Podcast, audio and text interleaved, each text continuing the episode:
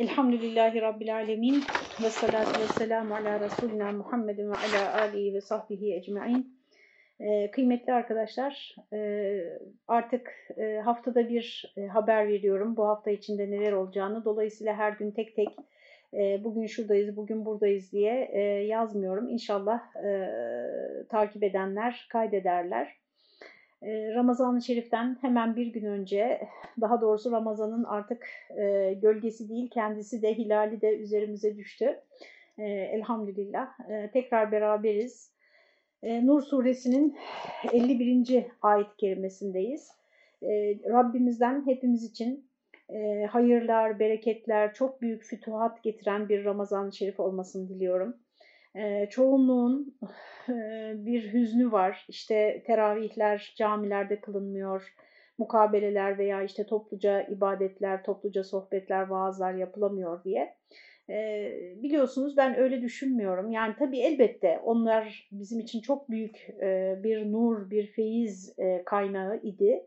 Fakat var olandaki hayra yönelmemizin hepimiz için her zaman en hayırlısı olduğunu düşünüyorum.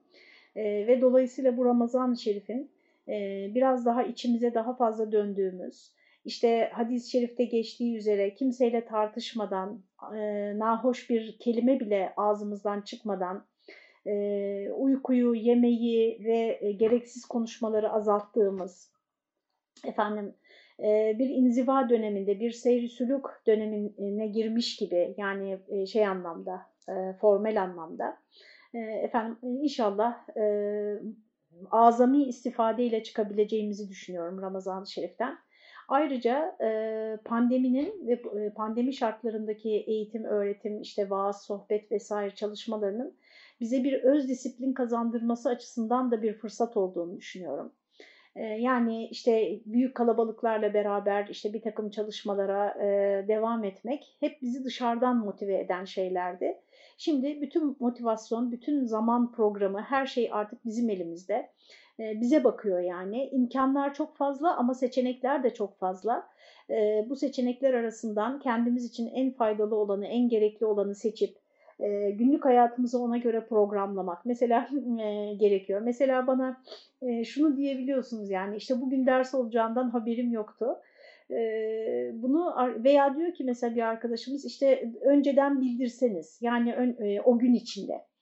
Arkadaşlar bu önceden belli bir program zaten ve hani tekrar tekrar da duyuruluyor. Geriye bir tek sizin alarmınızı kurmanız kalıyor ve veyahut da kendi ajandanıza yazmanız kalıyor. E, işte bütün bu alışkanlıkları kazanabileceğimiz ve dolayısıyla o akan zamanı daha iyi idrak edebileceğimiz e, bu akan zaman içerisinde yani şöyle düşünün e, bir sel geliyor arkadaşlar. O selin üstünde sizin rızkınız olan bir takım şeyler var. İşte e, böyle selin üstünde bir e, mal geliyor yani öyle diyelim. Ve siz kıyıdasınız. Bu selden ne kadar kapabilirsiniz? Hani öyle düşünün. Sizi zenginleştirecek olan şeyler o selle birlikte önünüzden akıp geçiyor.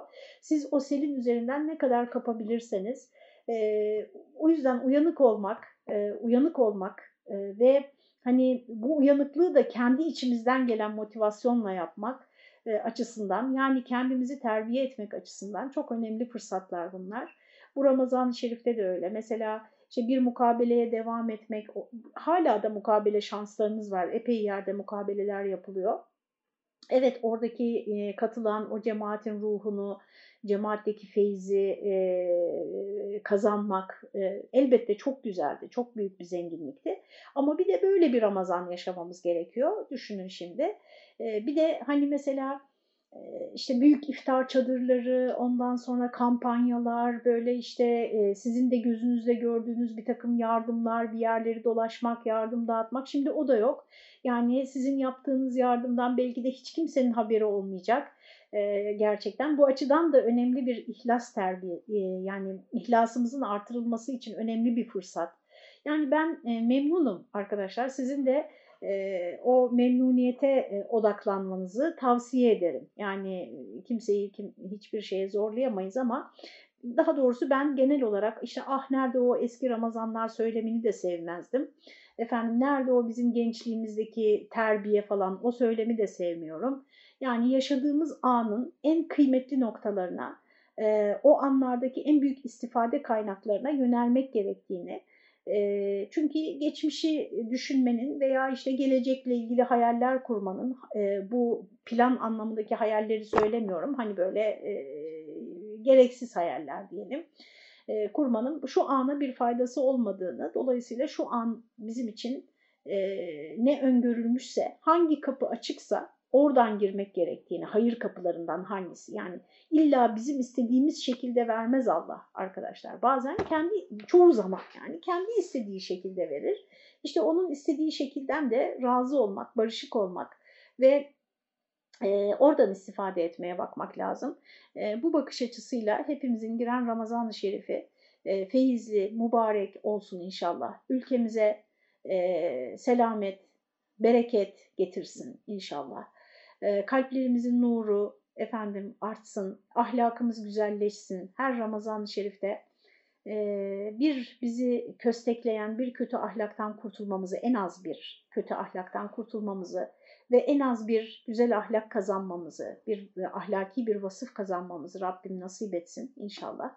Kendi üzerimize döneceğimiz yani böyle iftarlar, ziyafetler falan da olmayacağı için yapmayın sakın kul hakkıdır arkadaşlar. Yani belki çok yakın hani bir numaralı yakınlarınızla yapabilirsiniz ama e, efendim bunlar da olmayacağı için bakın Rabbimiz bize e, bu yani çok uzun bir süre, bir yılı geçti, çok uzun bir süre nelerin e, gerekli, nelerin, nelerin aslında çok da gerekli olmadığını, hayatın onlar olmadan da gayet güzel devam edebileceğini, bazı harcamaların, bazı yaşam tarzımızın yani yaşam tarzımızın bazı unsurlarının e, ne kadar da gereksiz olduğunu göstermiş oldu.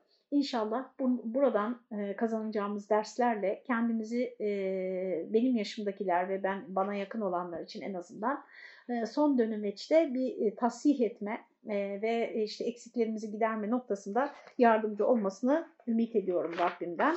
Bu girişten sonra bu Ramazan-ı Şerif için bir girişti. Kaldığımız yeri şöyle kısaca hatırlayalım arkadaşlar. Bir ayet bölümünün tam ortasındayız. Burada işlenen konu münafıklardan birinin yani sebebin üzülde bir kişiden bahsediliyor ama bu genel bir tavır. Dolayısıyla hepimizi ilgilendiriyor. Efendim araları iki kişinin arasında çıkan mesele, bir meselede o meseleyi halletmek için bir münafıkla bir Yahudi, e, Yahudi e, peygamberimize sallallahu aleyhi ve sellem başvurmayı teklif ettiği halde e, münafık yani görünüşte Müslüman çünkü münafık o demek yani kendini Müslüman olduğunu ilan ediyor ve herkes onu Müslüman olarak biliyor. Efendim Peygamber Efendimiz'e e, muhakeme olmayı istemeyip bir Yahudi hahama gitmek istemesi e, neden böyle yapıyor? Çünkü e, haksız olduğunu biliyor ve Peygamber Efendimiz'e gelirse haksız çıkacağını biliyor.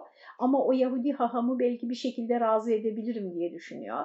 Yani bir menfaatini korumak için e, Allah'ın ve Resulünün vereceği hükme razı olmayıp kendisi için en elverişli hüküm neredeyse e, oraya gitmek istemesi ve üstelik de bunun e, Kur'an'la kendi iman ettiğini söylediği Kur'an'la e, taban tabana zıt bir mahal olması e, eleştiriliyor ve bu arkadaşlar e, 50. ayette e, onun kalbindeki bir maraza bağlanıyor sebep olarak. Yani niçin böyle davranıyorlar? Efi kulubihim maradun emirtabu em yahafune en yahifallahu aleyhim ve resulü. Üç sebep sayıyor Allah Teala. Kalplerinde bir maraz mı var? Böyle yapıyorlar. Yoksa Allah'ın Resulü'nün onlara haksızlık edeceğinden mi korktular? E, hayır, kendileri zalimler aralarında hükmetmesi için Allah ile e, Resulü ile Allah'a davet olundukları zaman müminlerin sözü işte oraya geçtik. Orası e, efendim şey e, 51. ayet. Şimdi üç sebebe yani üç sebep olabilir diyor Allah Teala. Kalplerinde bir maraz mı var? Allah ve Resulünün kendilerine haksızlık edeceğinden mi korktular? Yoksa onlar kendileri zalim olduğu için mi böyle yapıyorlar? Bu kalplerdeki maraz üzerinde e, bir iki cümleyle duralım arkadaşlar. Çünkü e, Kur'an-ı Kerim'in e, tertibine göre ilk sure, ikinci sure diyelim Fatiha'dan sonra Bakara suresinin başı çok ilginçtir arkadaşlar. Üç insan sınıfını bize anlatarak başlar orada Rabbimiz. E, bizim Elif Lam Mim diye bildiğimiz ilk beş ayette müminleri hatta müminler içinden daha seçkin bir grup olan müttakileri anlatır. İlk beş ayet. Ondan sonraki iki ayet e, kafirleri anlatır, inkarcıları anlatır ve özelliklerini sayarak anlatır. Yani müminlerin özellikleri şunlar, kafirlerin özellikleri bunlar ve sonraki 13 ayette de münafıkları anlatır. Yani gördüğünüz gibi münafıklar en detaylı anlatılan insan grubudur Kur'an-ı Kerim'de hakikaten yani. Nisa suresinde, Tevbe suresinde, Münafikun suresinde yeri geldikçe bakın burada efendim e, münafıkların davranış tarzları bize anlatılır. E, Rabbimizin biliyorsunuz e, metodu odur. Hiçbir zaman isim isim saymaz. Kafirler şunlardır, münafıklar şunlardır diye bir liste vermez. Öyle olsaydı çok tarihsel olurdu. Yani o güne mahsus olurdu o ayetler. Tam tersine onların özelliklerini sayar. Mesela biz Kur'an-ı Kerim'i okurken müminlerin özelliklerine geldiğimizde hemen bakmalıyız. Bunlar bizde var mı diye. Şimdi bir parantez açıyorum. Var olanlara da şükretmesini bilmeliyiz arkadaşlar. Çünkü bizim dinimizi bize daima eksiklikler üzerinden anlatıyorlar. Bakın işte şu eksik, şuyunuz eksik, şu konuda zayıfsınız, şu konuda günahkarsınız, şu konuyu tam yapmıyorsunuz. Bize böyle anlatıldıkça sürekli hep böyle din konuşulurken şimdi ne eksiğim çıkacak korkusuyla bakıyoruz. Bir de hep böyle yani bunu yap, tamamlamamız imkansız gibi. Hani her, ne yapsam ben yine bir kusurum çıkacak, bir eksiğim olacak düşüncesiyle böyle bir e, eksik arama yani kendimizde de hani başkalarında yapmayalım bunu diyoruz ama kendimize de e, aşırı yapabiliyoruz bazen. Herkes değil bazıları da kendisini tam görüyor neyse orayı geçelim. Şimdi benim tavsiyem ise arkadaşlar şu, şu yöndedir. Ben Kur'an-ı Kerim'i okurken arkadaşlar yapabildiklerinizi de görmenizi tavsiye ederim. Son günlerde bunu biraz çeşitli platformlarda tekrarlıyorum. Ee, sebebini bilmiyorum ben de. Ee, aslında bu yıllardır söylediğim bir şey. Mesela işte yüz yüze vaazlar döneminden hatırlarlar gelenler. Hep şunu derdim yani. Kendinizi bazen iman etmeseydim nasıl bir insan olurdum diye hayal edin. Yani bir hatırlamaya çalışın, bir düşünün yani. Siz iman etmeseydiniz, Allah'a, kitaba, peygambere iman etmeseydiniz nasıl yaşardınız? Bir düşünün.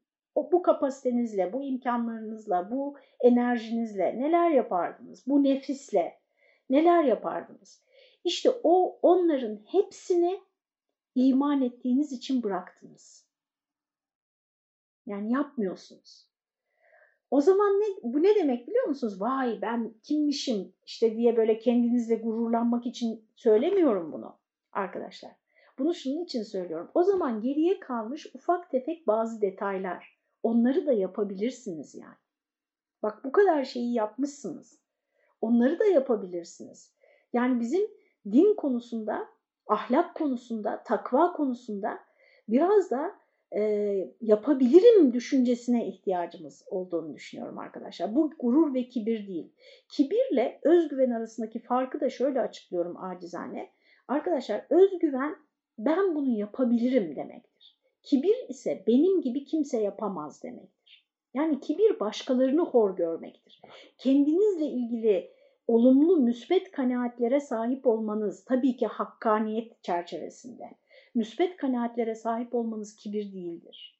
Tam tersine ona bizim ihtiyacımız vardır arkadaşlar. Yani insan ben mesela Elmalı tefsirini okuyup anlayıp kendimce yani anlatabilirim, bunu yapabilirim ben diye düşünmesem burada huzurunuza çıkabilir miyim? Üstelik de karşımda kimin olduğunu hiç bilmiyorum. Belki çok kıymetli insanlar var yani ilmi açıdan hepiniz çok kıymetlisiniz de gerçekten bu böyle. Benim için çok kıymetlisiniz. Ama hani ilmi açıdan belki de yüz yüze olsaydık benim asla karşısında konuşamayacağım biri var belki içinizde yani. Ne cesaretle ben bunu yapabiliyorum? İşte o kendinize bir parça da olsa bunu yapabilirim düşüncesi olmadığı zaman arkadaşlar insan içine çıkamayız biz. İki kişiyi ağırlayamayız. Onun için efendim e, müminlerin vasıflarını okurken ya bak işte e, e, ne diyor? Gayba iman ederler. E ediyoruz. Gayba iman ediyoruz. Yani Allah'a, meleklere, ahirete, ahiretle ilgili verilen haberlere inanmıyor musunuz arkadaşlar? İnanıyoruz. Yukimune salate. Namazı devamlı bir şekilde kılarlar. Değil mi? Evelallah yani kılıyoruz. Hani kılanlarımız için söyleyelim. Bir çaba içindeyiz. e, reddetmiyoruz, boş vermiş değiliz, bırakmış değiliz.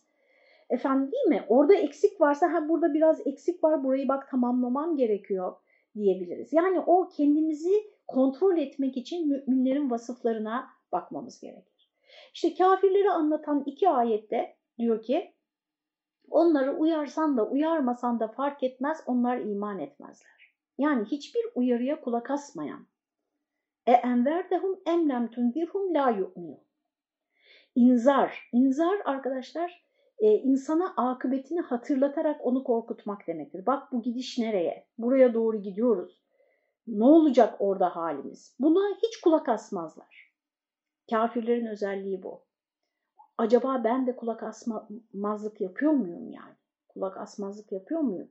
diye kendimize bakmamız gerekir. Peki diyelim ki Allah korusun bir kafir özelliği veya bir münafık özelliği bizde çıktı. Bu bizim kafir ya da münafık olduğumuzu mu gösterir haşa? Hayır. Ama çünkü iman ettiğimizden eminiz. İman ettiğimizden eminiz. Ee, bakıyorum kalbime iman dolu yani.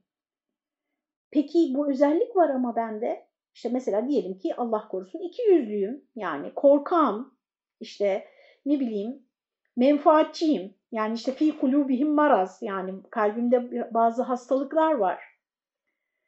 Arkadaşlar bu sizin kafir ya da münafık olduğunuzu göstermez ama onlarla bir ortak paydanız olduğunu gösterir. Bu bakımdan oranın çok hızlı bir şekilde tedavi edilmesi gerekiyor. Bunun için de arkadaşlar münafıkların vasıflarını bilhassa çok iyi tanıyıp bunlar bende var mı? Sahabenin yöntemidir bu. Sahabenin kendisini sırat-ı mustakimde tutma yöntemidir arkadaşlar. Çünkü nifak gizli bir şey olduğu için nifak kelimesinin sözlük anlamlarına da bakın konumuz olmadığı için e, detaya inmeyeyim. Arkadaşlar nifak gizli bir şey olduğu için insan böyle kendini de anlamaz yani. Bu bakımdan sahabe ne yaparmış arkadaşlar? Birbirlerine sorarlarmış. Samimi, güvendiği, sadakatine güvendiği dostlarına Allah rızası için söyle ben de münafık alameti görüyor musun? Çünkü alamet seni münafık yapmaz ama münafıkla ortak bir noktan var demektir. Dolayısıyla onu o noktayı hemen kapatman gerekir ki oradan bir gedik açılmasın yani. Bu bakımdan bu kalpteki maraz üzerinde durmak istiyorum. Bir parça yani. Kalpteki maraz nedir yani? Kalpteki hastalık, kalbin hasta olması nedir arkadaşlar? Bunu çalışmamız gerekir. Benim kanaatim kalbin hastalığı ahlaki hastalıklardır. Mesela menfaatçilik bir kalp hastalığıdır. Menfaatçiyseniz nasıl cihad edeceksiniz? Nasıl sadaka vereceksiniz? Allah için sizden bir fedakarlık istendiğinde nasıl yapacaksınız? Bir de arkadaşlar akıl, akıl imanlının imanına hizmet eder, imansızın imansızlığına hizmet eder. Yani akıl gerekçeler üretir. Kalbin hizmetçisidir yani. Kalbiniz ne tarafa meylederse aklınız ona göre size gerekçeler hazırlar. Bir insanın inanmaması için de gerekçeleri vardır. Öyle olmasaydı bütün imansızların çok aptal, çok ahmak insanlar olması gerekirdi. Ama öyle olmadığını görüyoruz yani içlerinde çok zeki insanlar var. Demek ki onların zekası ve aklı inanmamayı haklı çıkarıyor onlara. Bu bakımdan kalbimize yönelmemiz, kalbimizdeki hastalıklar yani menfaatçilik mi var, korkaklık mesela. Korkaklık arkadaşlar insanı münafık yapma konusunda çok e, ciddi bir altyapıdır. Yani korkak insandan çok kolay münafık olur. Bu benim kanaatim. Ee, korkaklık menfaatperestlikle birleşince yani bir insan hem korkak hem menfaatperestse çok kolay iki yüzlü davranır mesela.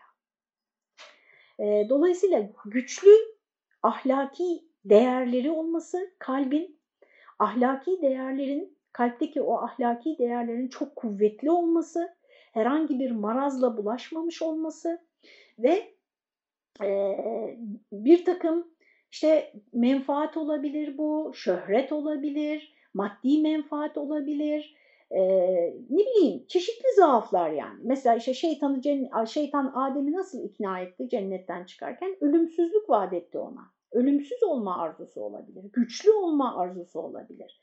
İnsanlar tarafından sevilme, takdir edilme, çok beğenilme yani şöhret arzusu olabilir. veya hazlara düşkünlük. Yani çok haz merkezli yaşama arzusu olabilir. Yani hiçbir zaman hazlarından vazgeçmek istemiyor. Ama din arkadaşlar baştan sona hazlarını kontrol etmek demektir. Hazları kontrol altında tutmak demektir. Dinin bütün emirlerini düşünün. Hepsinin bir hazla ilgisi vardır arkadaşlar. Onu kontrol etmekle bir ilgisi vardır.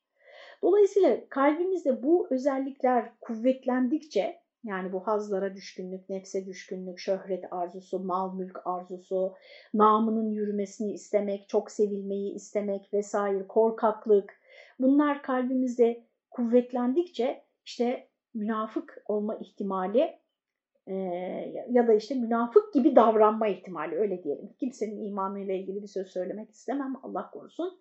Münafık gibi davranma. Heh, bu çok güzel oldu yani. Münafık gibi davranma ihtimali çok artıyor arkadaşlar. İşte 51. ayet bizim tam kaldığımız yer. Halbuki müminler böyle bir durumda ne yaparlar?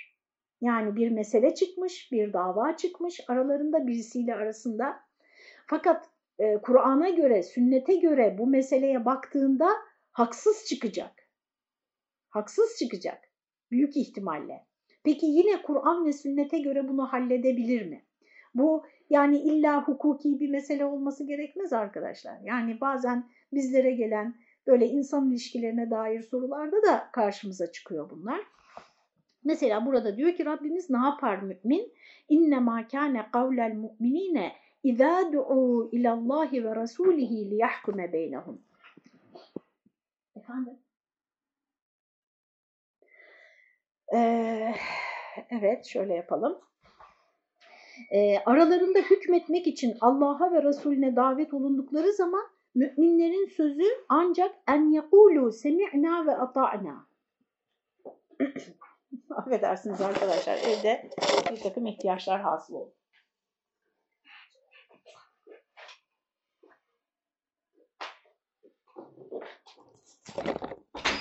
Evet tekrar kaldığımız yerden devam edelim.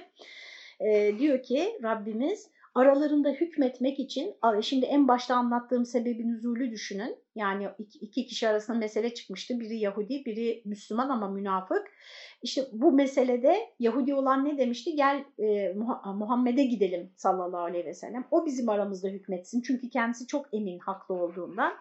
Davet olundukları zaman müminlerin sözü nedir? En yekulu semi'na ve ata'na. İşittik ve itaat ettiktir. Bu biliyorsunuz Amener Resulü'de de geçiyor. Ee, arkadaşlar Allah Teala e, inşallah onu e, işte Türgev'in programında Ramazan'da anlatacağız. E, din, insanların dinden uzaklaşma sebeplerini konuşacağız. Kur'an-ı Kerim'e göre nasıl e, bu konu? Çünkü çok güncel bir mesele, hepimizin meselesi. Kur'an-ı Kerim bu konuya nasıl bakıyor? Onu konuşacağız Türgev eğitim sayfasında. E, duyurduk size. E, işte orada işleyeceğimiz konulardan birisi de şu. İman ettik deyince arkadaşlar Allah Teala bizim ismimizin karşısına bir tik atıp bizden sonrakine geçmiyor. Yani iman ettik demek tamam bitti bu kazandı şimdi bunu bu tarafa alalım şimdi diğer iman etmeyenlere geçelim böyle bir şey değil. İman ettik deyince bırakılı vereceksiniz ve hiç denenmeyecek misiniz zannediyor. Denenmeyeceğinizi mi zannediyorsunuz diyor Kur'an-ı Kerim bize.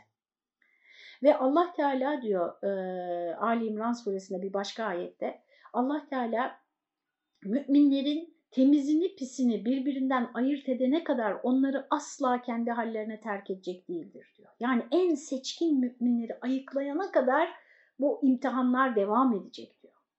Peki neden yani Allah Teala bilmiyor mu hangimizin imanının daha kuvvetli olduğunu biz bilelim diye. Yani imanımızla denenmemiz arkadaşlar imanımızın ya da o imtihandan ya imanımız daha kuvvetlenerek çıkarız ya imanımızın bir parçası zayıflamış veyahut da kaybolmuş, kaybetmiş olarak çıkarız.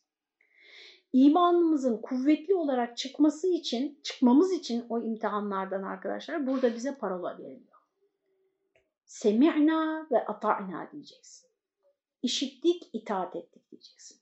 Ben Rabbimizin izniyle, Rabbime sığınarak yani hiç olmazsa en alt seviyede yani o en üst seviyede imanı kuvvetlenmiş olarak çıkamasak bile hiç olmazsa imanımızı kaybetmemiş olarak çıkmak için arkadaşlar semi'na diyelim, ata'na diyemiyorsak bile affet bizi ya Rabbi diyelim. Yani işittik ya Rabbi, sen doğru söylüyorsun, Allah'ın sözü doğrudur, peygamberin sözü doğrudur ama ben onun gereğini şu anda yerine getiremiyorum. Bu konuda bir zayıflığım var. Allah'ım beni affet. Bu hiç olmazsa arkadaşlar bizi iman dairesinde tutar. Ama ne zaman ki Allah'a isyan anlamına gelen davranışlarımızı müdafaa eder, kendimizi her konuda haklı göstermeye çalışırsak şeytanın yoluna girmiş oluyoruz. Adem kıssasında hatırlayın Adem'in yaratılışında şeytanın yaptığı da tam olarak budur. Semi'na ve ata'na yani dinledik ve itaat ettik baş üstüne diye hemen davete icabet etmekti. Bir mümine yakışan ancak budur. Allah ve Resulüne davet edildiği zaman. Yani diyelim ki Allah korusun benimle sizden birisi arasında bir problem çıktı. O kişi de dedi ki hocam tamam yani soralım fetvaya soralım. İşte Din İşleri Yüksek Kurulu'na soralım. Sizin de itimat ettiğiniz bir hocaya soralım. Nedir bu konunun karşılığı diye. Ne dememiz lazım? Ben orada haksız çıkacağımı bilirim. Çünkü az çok biliyorum yani. Dolayısıyla haksız çıkacağımı bildiğim halde ne demem lazım? Arkadaşlar eyvallah tabii ki öyle yapalım demem lazım. Haksız çıktım diyelim ki en ideali zaten o aşamaya bile gelmemektir. Öyle bir haksızlık yapmamaktır zaten en ideali de. Ama o duruma düştükten sonraki en ideal durum arkadaşlar tevbe istiğfar edip helalleşmektir. O hakkı ödemektir. Dinin sana gösterdiği yoldan gitmektir. Ve ulaike humul muflihun. İşte felaha kavuşacak olanlar bunlardır. Şimdi arkadaşlar beni dinleyenler arasında kimler var bilmediğim için bakın bu konular Böyle komşunun komşuyla meselesi işte arkadaşlar arasında biri ötekine şöyle demiş de o da ona laf taşımış da şöyle olmuş da falan kalbi kırılmış da böyle meseleler için düşünmeyin bunları sadece. Bunlar küçük meseleler. Ticarette düşünün, siyasette düşünün. Çok büyük kitlesel e, etki alanı olan karar mekanizmalarında çalışan insanları düşünün. Yani e, büyük ölçekli düşünün bunları. O zaman ne kadar zorlaşıyor. Yani şöyle diyelim siz Allah ve Resulünün karar verdiğini kabul ettiğiniz zaman, vereceği kararı kabul ettiğiniz zaman faraza 500 milyar kaybedecekseniz gene semi'na ve ata'na diyebilecek misiniz? Diyelim ki Allah ve Resulünün verdiği kararı kabul ettiğiniz zaman faraza çok sevdiğiniz birinden vazgeçmeniz gerekecekse ya da işte o bir suç işlemiş ve bunun cezasını çekecek ama siz onu işte yasal olmayan yollardan kurtarabiliyorsunuz, öyle bir gücünüz var. Fakat Kur'an ve sünnet buna izin vermiyor. Ne yapacaksınız? Yani evladınızı, kardeşinizi böyle bir durumda feda edebilecek misiniz? Hakkı, ter, hukuku, hakka, hukuka uygun olanı seçebilecek misiniz? Gördünüz mü işte kalbimizdeki marazın ne kadar tehlikeli olduğunu arkadaşlar? Aşırı sevgiler, aşırı bağımlılıklar, bizim kalbimizde hep bir zayıflık demektir. Hep bir maraz demektir. Efendimiz sallallahu aleyhi ve sellemin annesinin, babasının, kardeşinin ve erkek evlatlarının olmamasını şimdi daha iyi anlayabiliyor muyuz? Evet, daha pek çok hikmetlere e, binaen. Ancak bunlar felaha erebilir. Yani kurtulacak olanlar, kurtuluşa erecek olanlar ancak bunlardır. Yalnız arkadaşlar böyle davrandığımızda bazen başımız e, sıkıntıya girebilir. E hani kurtulacaktık? Hani kurtuluş olacaktı bunda? Acizane kanaatim arkadaşlar insanın e, inandığı ilkelere göre davranabilmesi e, kendi iç dünyasında çok büyük bir kurtuluştur arkadaşlar. İnsan inandığı ilkelere göre herhangi bir konuda yani herhangi bir konuda mesela çocuklarınızı eğiteceksiniz. İşte bir yol var. O yolda büyük bir şey var yani dünyevi bir e, başarı var veyahut da bir e, hedef var. Ama işte şöyle de bir yanlış eksik tarafı var ahlaki açıdan, dini açıdan. Siz bu tarafı tercih ettiğinizde duyacağınız, vicdanınızda duyacağınız e, huzur, kendinizle barışık olma, yani e, tutarlı, tutarlı davranabiliyor olma, e, anlatabildim mi? Bunun size verdiği gönül huzuru arkadaşlar. Her zaman hakka hukuka riayet ederek davrandığınızda evet bazen dünyevi ölçüde menfaatlerinizden, bazen konumunuzdan, bazen efendim size gelecek olan bir takım faydalardan vazgeçmiş olabilirsiniz. Ama uzun vadede hem manevi açıdan, iç dünyanız açısından, kalbiniz açısından hem ben dünyalık işleriniz açısından da uzun vadede karlı çıkacağınızı çıkacağımızı düşünüyorum. Ahiretteki asıl kurtuluş ise ahiret, ahiretteki kurtuluştur. Arkadaşlar bizim bu dünyadaki ömrümüz yeri geldikçe hep söylüyorum ahirete nazaran 2-3 saat civarındadır. Ahirete kıyasla bu dünyada geçirdiğimiz süre 2-3 saat civarındadır.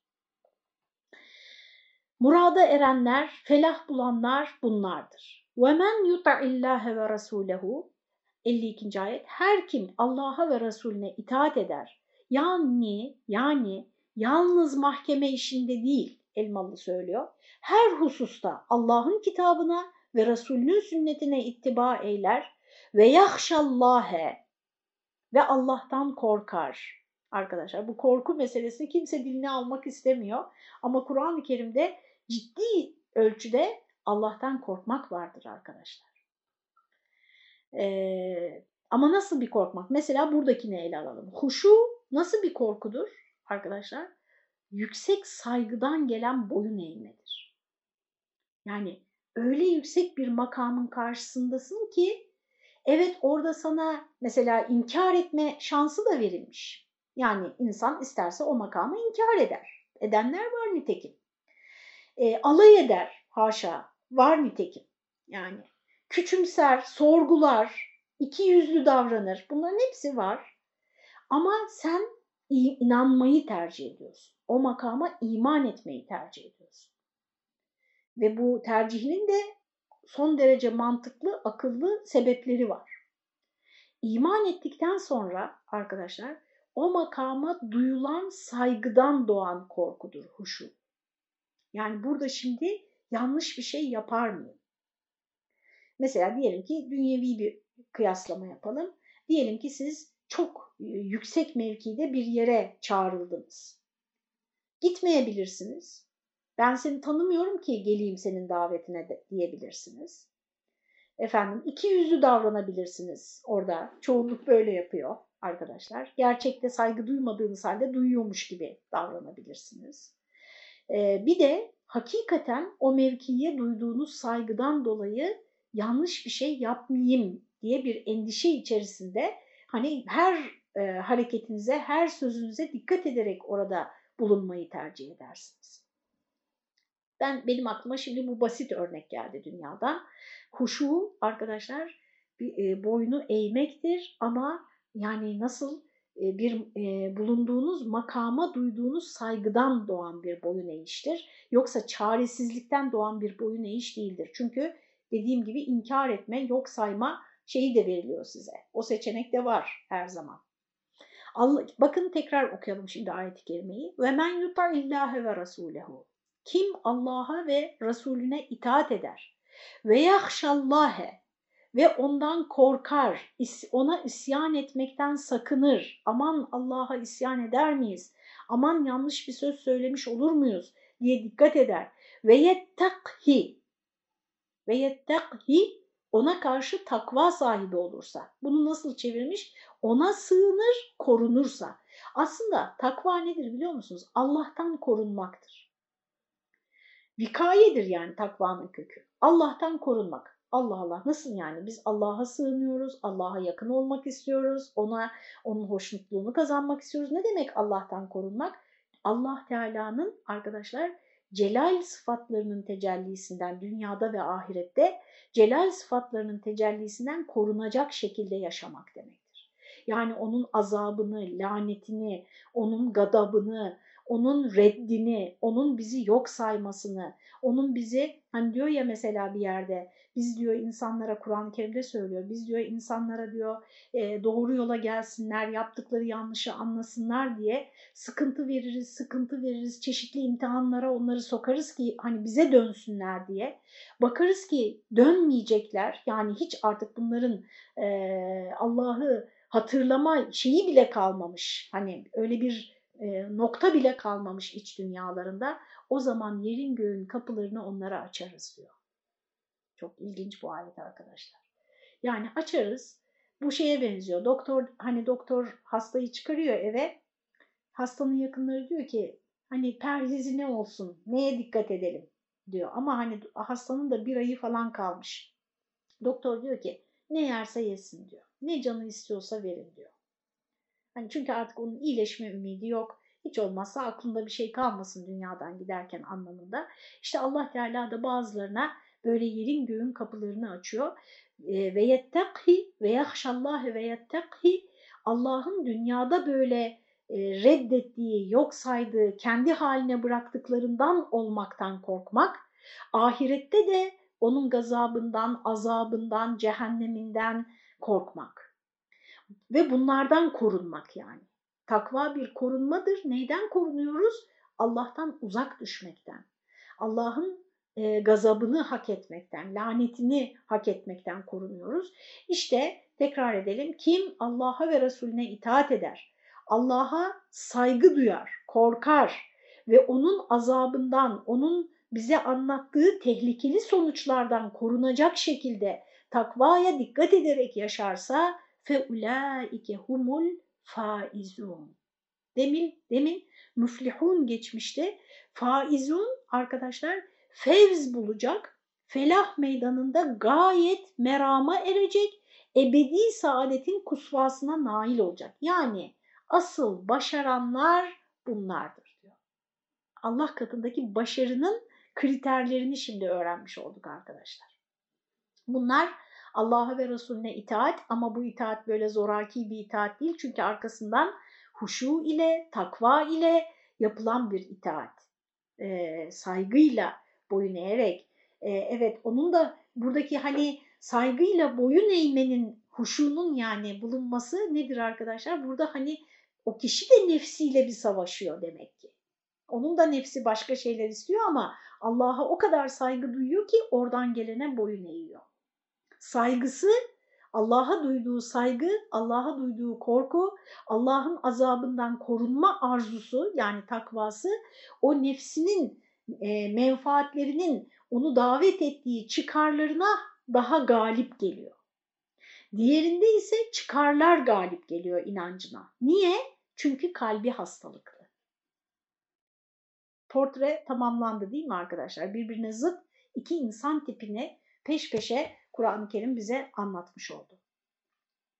Bunlar fevz bulacaklar.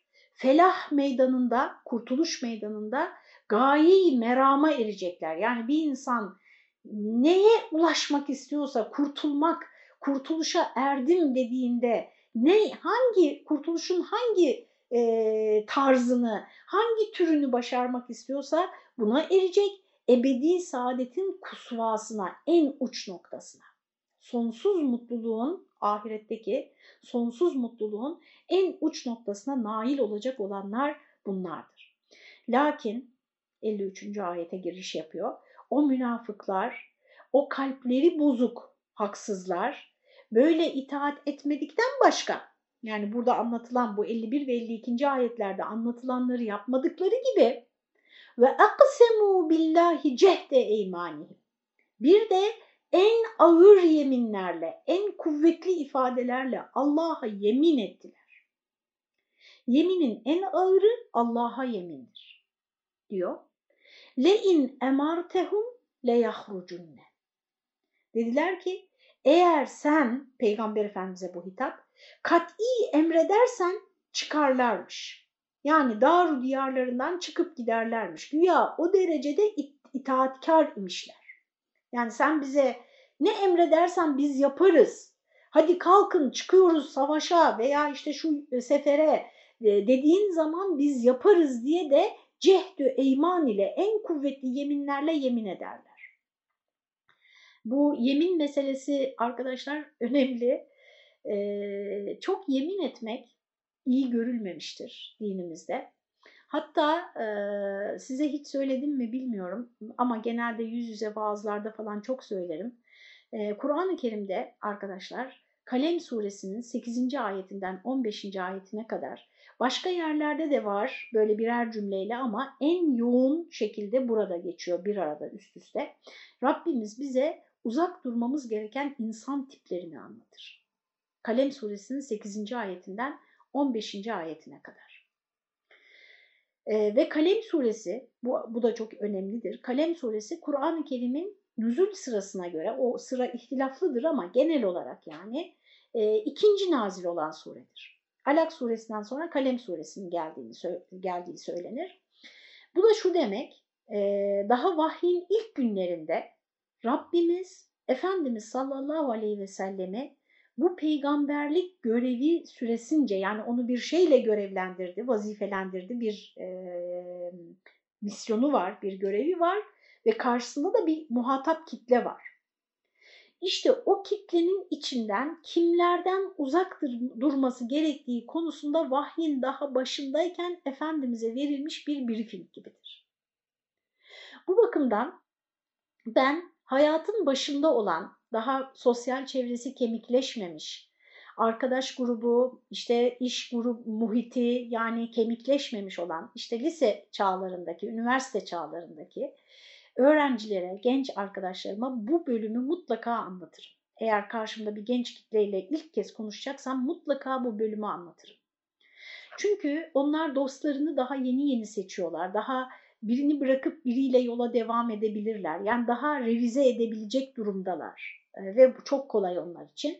Hepimiz için e, mümkün de onlar için daha kolay.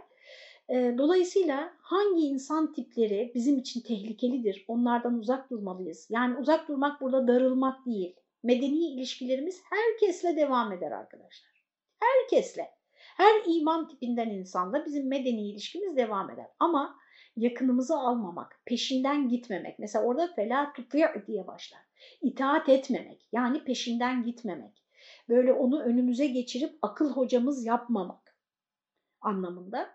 Bunların başında hallaf gelir arkadaşlar. Yani çok yemin eden. Çok yemin edene sakın itaat etme. Ona kanma. Onun ardından gitme o yeminleriyle seni ikna edemesin, etmesin anlamında. O bölümün tefsirine mutlaka bakın. Çok kıymetlidir benim için. Sizin için de öyle. Yani bir insan ilişkilerine dair inanılmaz tiyoları bunlar Rabbimizin bize. Böyle yemin etmişler, yemin ediyorlar. Ee, eğer sen çıkarsan biz de çıkarız. Nere, yani gözümüz kapalı biz senin peşinden geliriz e, diye çok kuvvetli yeminlerle yemin ediyorlar. Güya o derecede itaatkar imişler. Ul sen onlara de ki la tuksimu yemin etmeyin. Yemin etmeyin de da'atun ma'rufe maruf bir taat yani taatiniz belli mahiyeti malum binaenaleyh yalan yere yemin etmeyiniz. Ya bu anlama gelir taatun ma'ruf kelimesinin tamlamasının gelmesi Hemen yemin etmeyin emrinden sonra. Yahut sizden matlup olan, sizden istenen öyle yalan yere yemin ile münafikane bir taat değil, münafıkça bir taat değil, zulme, münkere itaat de değil, adalet dairesinde halisane bir taattir. Yani biz sizden öyle işte biz senin e, gözümüz kapalı arkandan geliriz işte vur de vururuz öldür de öldürürüz falan böyle demene gerek yok. Biz senden körü körüne bir itaat, işte zulüm de istesek itaat falan böyle istemiyoruz ki. Biz senden maruf olan konularda taat istiyoruz. Nedir maruf olan konular? Hakka, hakikate uygun olan, doğruya uygun olan konularda senden taat istiyoruz. Ee, yani daha doğrusu istediğimiz taat böyle bir taattır zaten. Hani sana zarar verecek, başkasına zarar verecek, seni böyle haksızlık yapmaya sevk edecek, bir, bir konuda bize ta, itaat etmeni de istemiyoruz.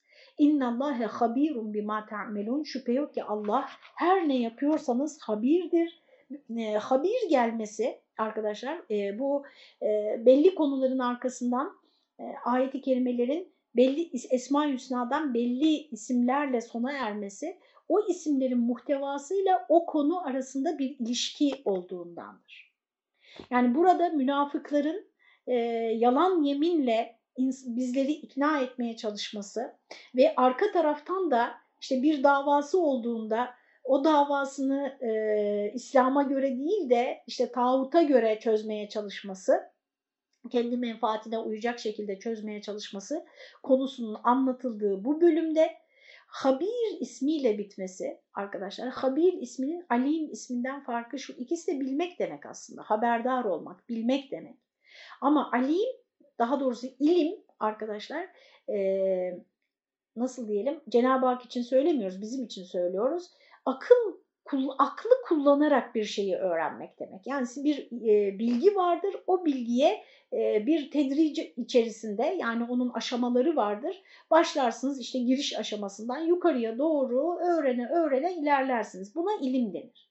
Habir ise arkadaşlar böyle akıl yürüterek, akıl kullanarak değil, işin tam özüne doğrudan vakıf olarak bilmek demektir. Mesela istihbarat bunun için buradan geliyor bakın.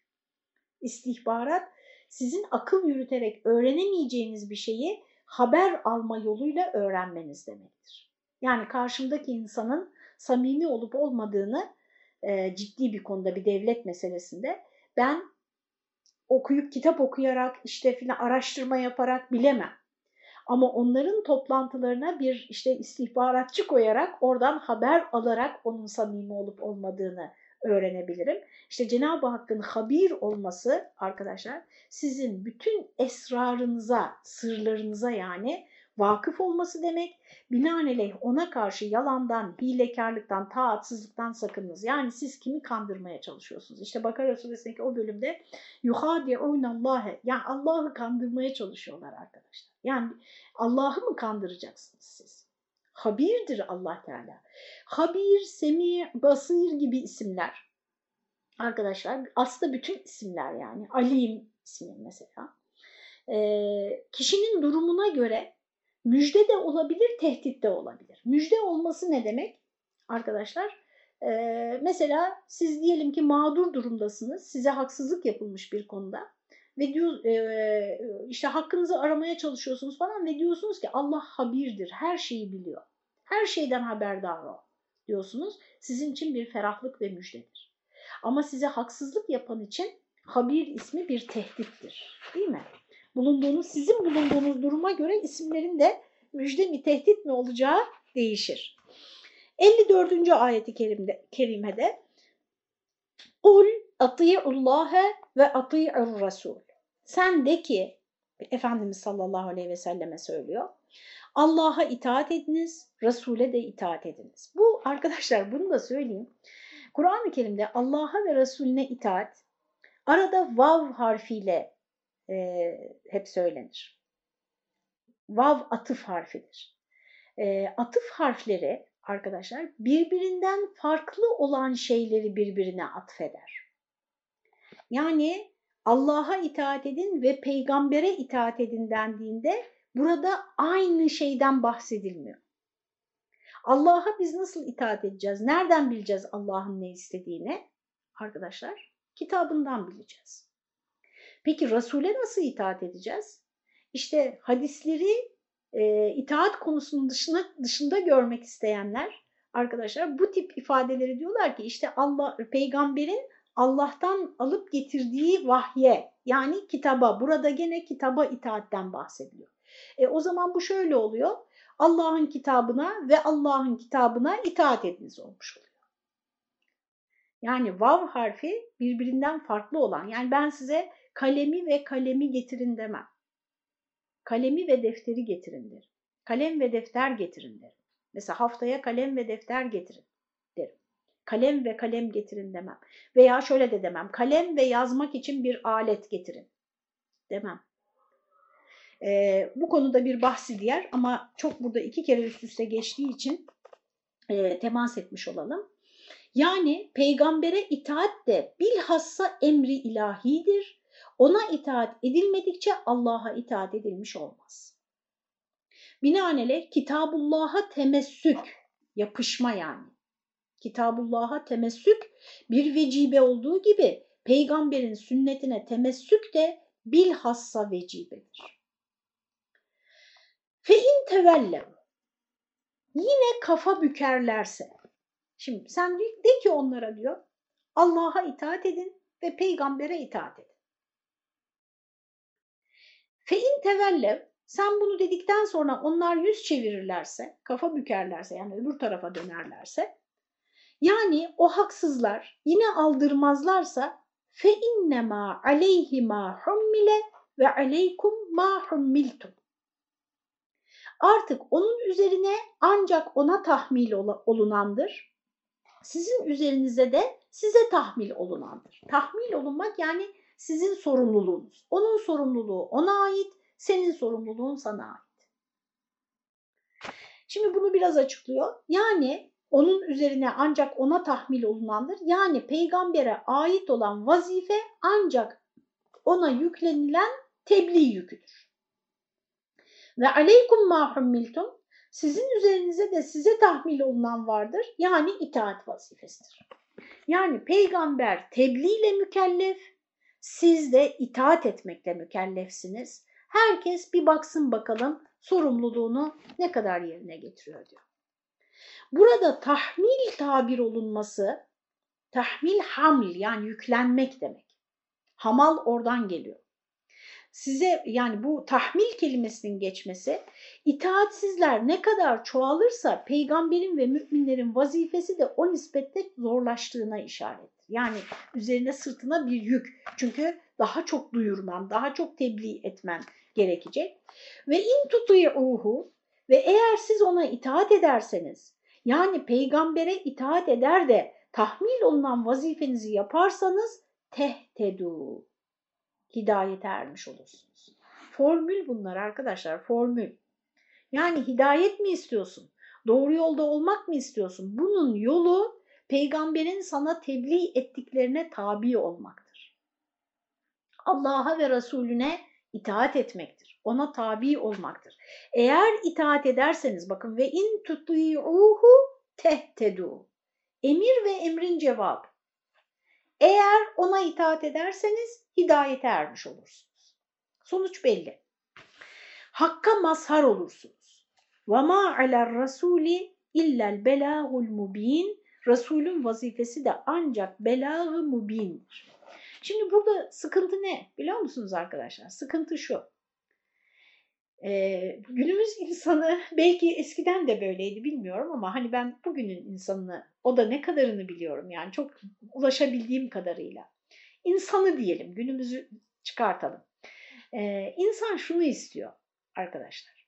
Ben hem itaat etmeyeceğim ama hem de hiç kimse bana yanlış yoldasın demeyecek. Bunu istiyorlar arkadaşlar. Yani ben hem çok yanlış besleneceğim hem hiç kimse bana ama yanlış besleniyorsun bak sen de o yüzden oluyor bunlar demeyecek. Ee, eleştirmeyecek kimse beni. Eksiğimi söylemeyecek. Hatta daha doğrusu eksik görmeyecek bende. Ben hem istediğimi yapacağım istediğim gibi yaşayacağım. Yani buradaki istek kimin isteği? Hani bizim hangi kısmımızın isteği? Efendim nefsimiz var, kalbimiz var, aklımız var, ilmimiz var. Neyin istediğini biz yapıyoruz. Hem kafama göre hareket edeceğim hem de hep doğru yolda olmuş olacağım. Kimse bana yanlış yoldasın demeyecek. Bunun için de e, bu şimdi kulağa çok saçma geliyor değil mi? Ama bunun için o kadar ikna edici bir altyapı hazırlamışlar ki arkadaşlar. O altyapı hümanizm. İnsan için kendi tercihi önemlidir. İnsan kendisini en mutlu, en rahat nasıl hissediyorsa onun için doğru odur. Bir defa siz buna ikna olduğunuz zaman yani doğru benim kendimi nasıl hissettiğime bağlı. Ben diyelim ki ağzıma geleni herkese söylüyorum. Aklıma eseni söylüyorum her yerde. Efendim ve e, rahat ediyorum. Mutlu oluyorum. Bu şekilde rahatlıyorum. O zaman böyle yapacağım. Çünkü bu benim kendimi iyi hissettiğim bir yol. Yani bunun ucunun nerelere kadar vardığını siz biliyorsunuz. Cinsel tercihler, işte başka başka şeyler hep buradan doğuyor arkadaşlar. Bunun temelinde insanın isteklerinin kutsallaştırılması vardır. Yani doğru nedir, hakikat nedir, sen ne istiyorsan odur. Postmodernizm dediğimiz şey bu. Yani sizin ve benim dışımda, dışımızda bizim tabi olmamız gereken bir hakikat yoktur. Hakikat senin arzuların, senin isteklerindir. Sen kendini nasıl olmak istiyorsan öyle olursun. İşte bunun birçok e, tezahürleri var. Sanatta, siyasette, sosyal bilimlerde, felsefede, arkadaşlar günlük hayatın en küçük detaylarına kadar bunun tezahürleri var. Bu bakımdan asıl mesele bizim dışımızda ve bizim uymamız gereken bir hakikat var mı yok mu? İşte post-truth çağı dedikleri çağı yaşıyoruz biz. Hakikat sonrası yani hakikat diye bir şey yok. Hakikat yok. Biz e, herkesin hakikati kendi, kendi içinde. Kendisi bulacak kendi hakikatini. Ve bunları benim söylediğim gibi söyleseler zaten hemen anlarız biz yanlış olduğunu. Böyle söylemiyor. O kadar böyle süslü laflarla ki eminim şurada bakın şu anda 2200 küsür kişi var. Bu kadar insanın içinde bile bu söz, bu anlama gelecek olan sözleri paylaşıp çoğaltan vardır aranızda. O kadar böyle ince, o kadar nasıl diyeyim hani hepimizin böyle ay rahat bizi rahatlatacak, bizi mutlu hissettirecek kalıplara döküyorlar ki bu cümleleri. Çok iyi, alt metni de çok iyi okuyabiliyor olmanız lazım o sözde ne denmek istediğini anlayabilmemiz için hepimizin. Bu bakımdan lütfen yani bu kopyala yapıştır paylaş var ya onu bir durdurun arkadaşlar. İçinizdeki o paylaşma canavarına bir dur deyin. Ve bir eleğiniz olsun. Bir kriteriniz olsun. Benim size tavsiyem bu. Tekrar okuyorum ayet-i kerimeyi. Sen onlara de ki 54. ayet bununla bu haftayı bitirelim ve Ramazan'a da bu ayetle girelim. Bakın ne kadar güzel nefis bir giriş olacak.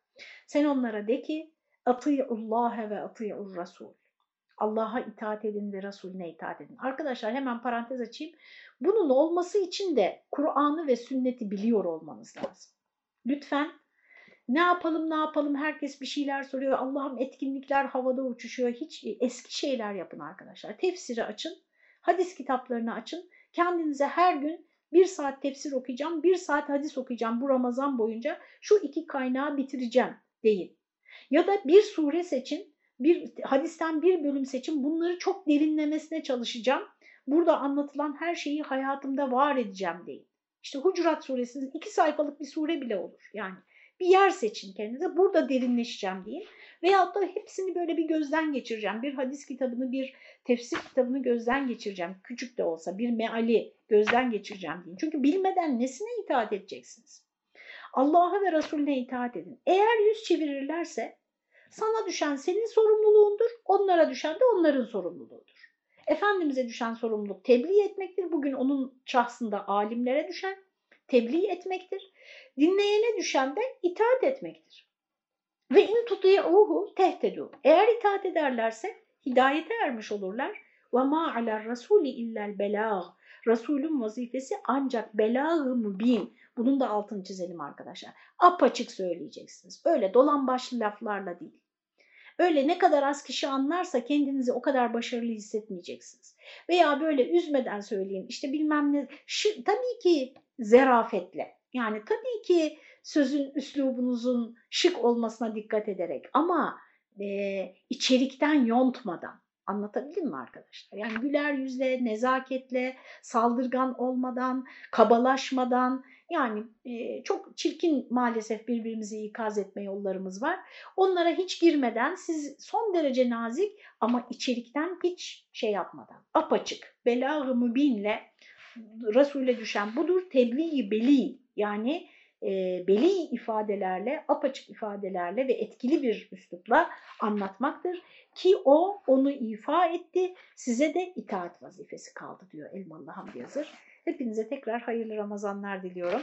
İnşallah bu akşam e, 11'de Fikriyat'ta bir e, Ramazan öncesi bir sohbetimiz olacak. Arzu edenleri oraya da bekleriz. E, Allah'a emanet olun. Rabbim yardımcınız olsun hepimizin. e, efendim nefsimize karşı, çevremizde bizi e, yanlış yollara sevk edecek olanlara karşı uyanık olmayı nasip etsin. E, kalbimizi nurlandırsın okuduğumuz Nur suresi hürmetine ve e, güçlü kılsın bizi arkadaşlar. E, hem kendimize karşı yer çekiminden kurtulmak için yani o nefis bizi yere doğru çekiyor arkadaşlar. Yükselebilmeniz için yer çekiminden kurtulmanız lazım.